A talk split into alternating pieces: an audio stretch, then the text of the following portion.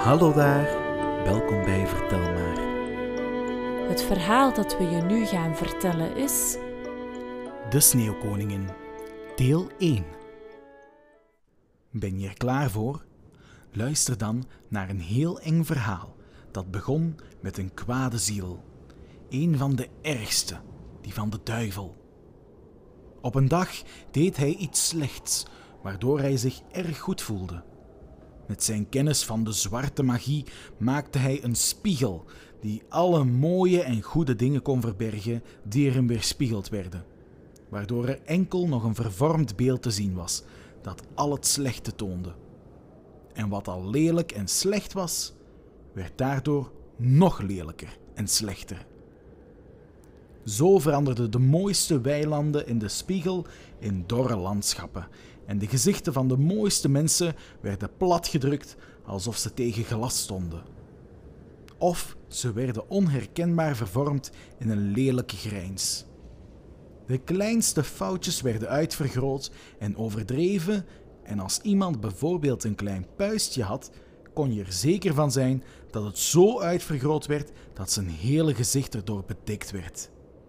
Het was allemaal om je rot te lachen, vond de duivel. Als iemand een mooie gedachte had, veranderde de spiegel hem in een slechte.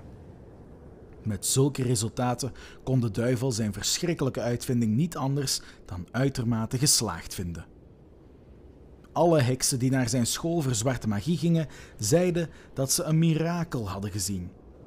In de magische spiegel konden ze nu eindelijk de wereld en de mensen zien zoals ze hadden moeten zijn.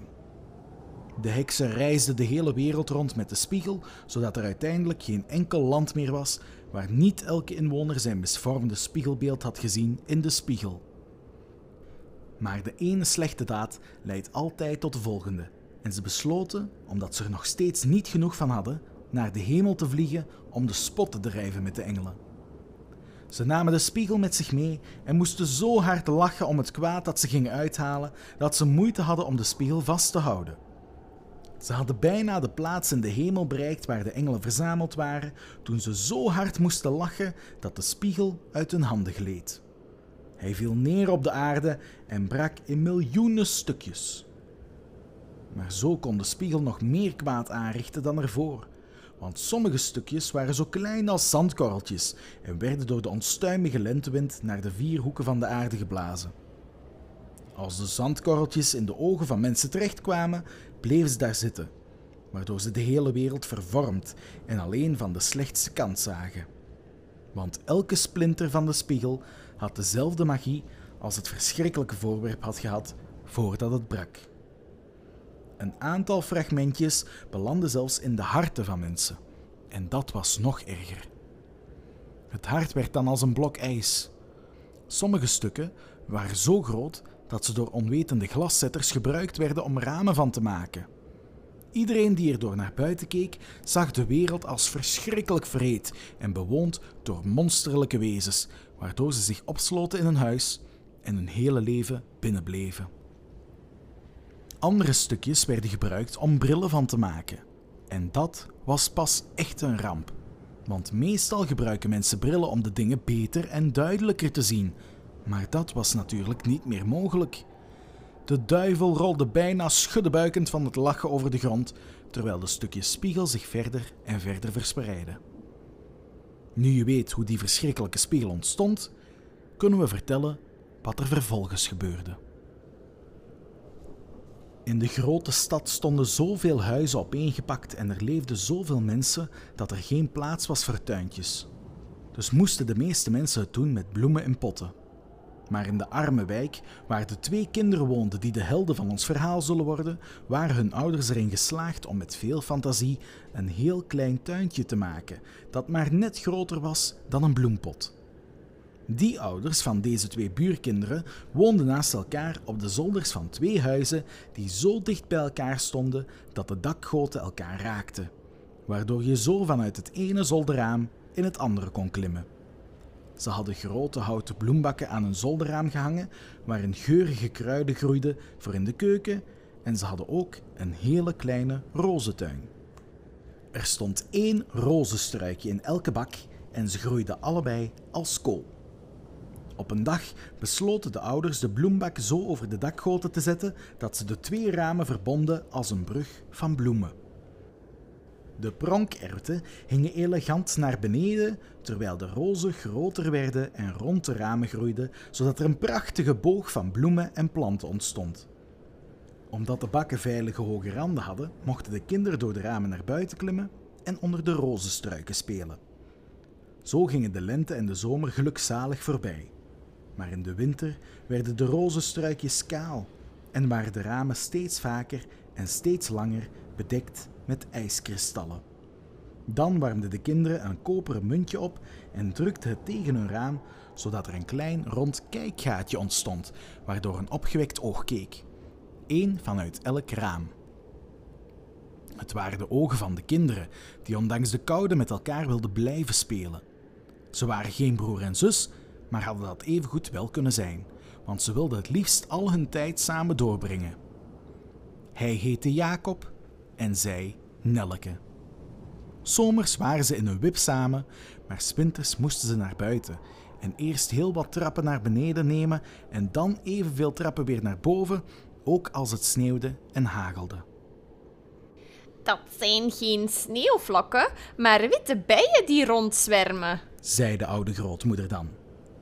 Hebben die ook een koningin? vroeg de kleine jongen, omdat hij wist dat de gewone bijen altijd een koningin hadden. Natuurlijk hebben ze een koningin, antwoordde de oude vrouw. Ze vliegt daar in het midden van die dichte zwerm.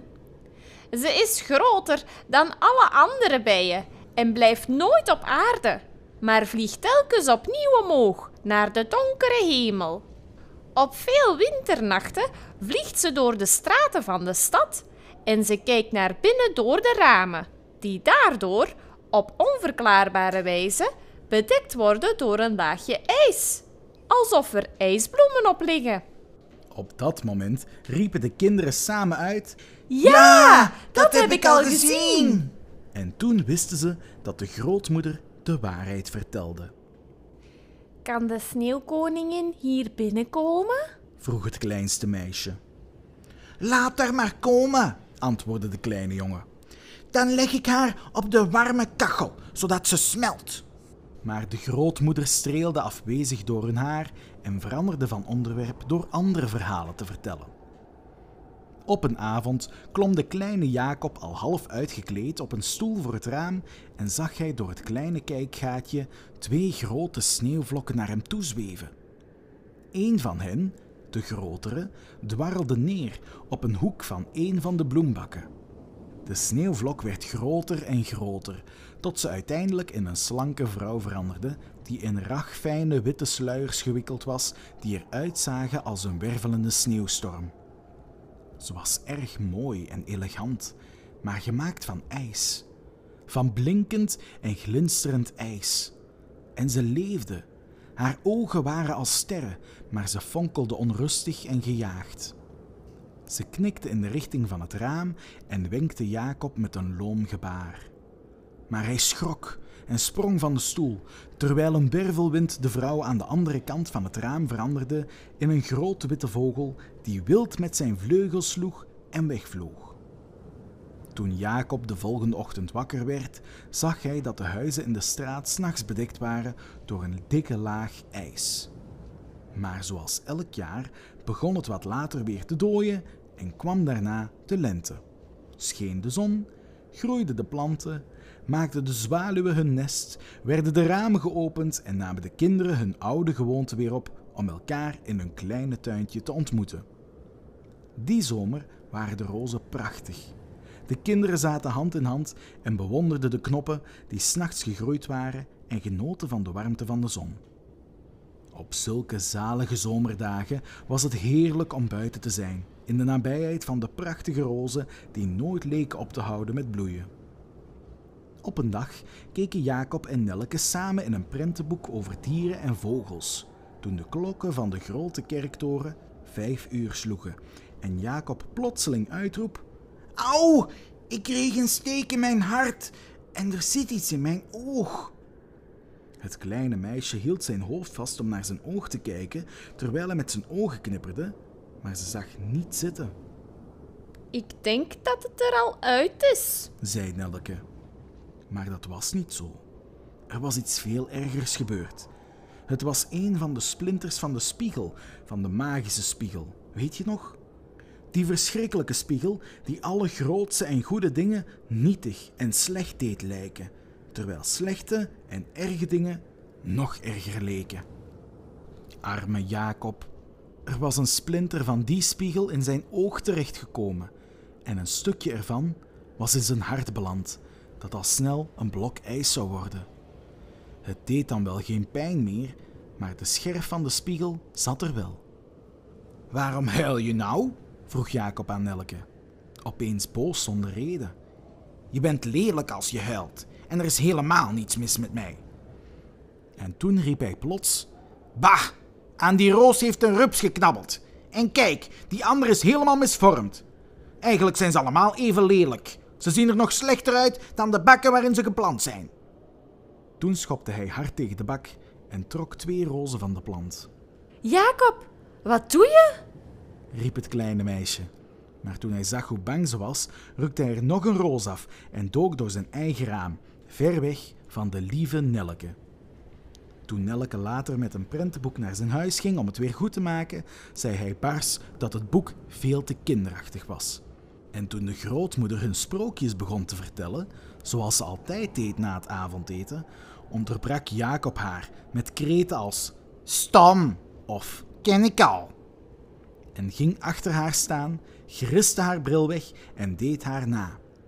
Hij was er erg goed in en deed het daarna ook op straat, waar mensen om hem moesten lachen. Al snel deed hij alle buren na. Elke onnozele trek en slechte eigenschap van zijn buren deed Jacob perfect na. En de mensen zeiden: Hij is erg slim, die jongen. Maar dit kwam alleen maar door het stukje spiegel in zijn oog en zijn hart. Daarom gedroeg hij zich zo en daarom lachte hij de lieve Nelleke uit. Toen het winter werd, deed hij heel andere spelletjes dan de vorige jaren. Toen het op een dag heel hard sneeuwde, pakte Jacob een vergrootglas en bekeek er de sneeuwvlokken mee op zijn jas. Kijk door het vergrootglas, kleine Nelleke, zei hij, terwijl hij haar liet zien hoe elk sneeuwvlokje door het vergrootglas veel groter was en eruit zag als een prachtige bloem of een tienpuntige ster. Zie je hoe mooi het is? Dit is nou perfectie, zei Jacob. Dit is pas interessant. Niet die stomme rozen. De sneeuwvlokken zijn perfect, zie je? Ze zijn allemaal hetzelfde. Als ze maar niet zouden smelten. Zonder op antwoord van het meisje te wachten, ging hij naar huis en liep even later weer naar buiten met dikke handschoenen aan en een kleine slee meedragend op zijn rug. Waar ga je naartoe, Jacob? vroeg Nelleke. Naar de grote markt waar de andere jongens aan het spelen zijn, antwoordde hij, terwijl hij de hoek omsloeg. Op de markt bonden de meest onstuimige jongens hun slee stiekem aan de kar van andere mensen. Wanneer de kar dan vertrok, werden de jongens een heel eind meegetrokken. Dat vonden ze prachtig. Ze waren al een tijdje aan het spelen toen er een grote witte slee aankwam. Daarop zat een gestalte in een zachte, witte, donzachtige jas. Het gezicht bedekt door een kap. De slee maakte twee rondjes over de markt en hield toen midden op de markt stil. Jacob sloop er naartoe en bond zijn kleine slee eraan vast, zodat hij meegetrokken zou worden. Hij was nog maar net klaar met de laatste knoop toen, alsof erop gewacht was, de slee weer vertrok. Steeds sneller zoefde de slee door de straten. De kundige bestuurder van de slee groette Jacob met een knik van het hoofd alsof ze elkaar al jaren kenden. Jacob kreeg het benauwd en elke keer als hij de knopen probeerde los te maken, knikte de bestuurder naar hem. Het lukte niet om de slee los te maken en dus klampte hij zich uit alle macht maar vast aan zijn eigen slee. Steeds harder ging het en in razende vaart bereikten ze de stadspoort. Toen was het inmiddels zo hard gaan sneeuwen dat Jacob geen hand voor ogen meer kon zien. Nogmaals probeerde hij het touw los te peuteren, maar het had geen zin. Het was vastgevroren. Hij schreeuwde het uit van angst, maar niemand hoorde hem. De sneeuw werd steeds dichter, de wind bleef waaien en de slee reesde voort, af en toe schokkend als hij over hobbels en beken vloog. Luister volgende week naar het vervolg. Ben jij ook zo dol op de verhalen van Vertel Maar? Surf dan zeker naar onze website www.vertelmaar.be. Je kan ons ook volgen op Facebook en YouTube. Heb je een verzoekje? Stuur ons een mailtje. verhaal@vertelmaar.be.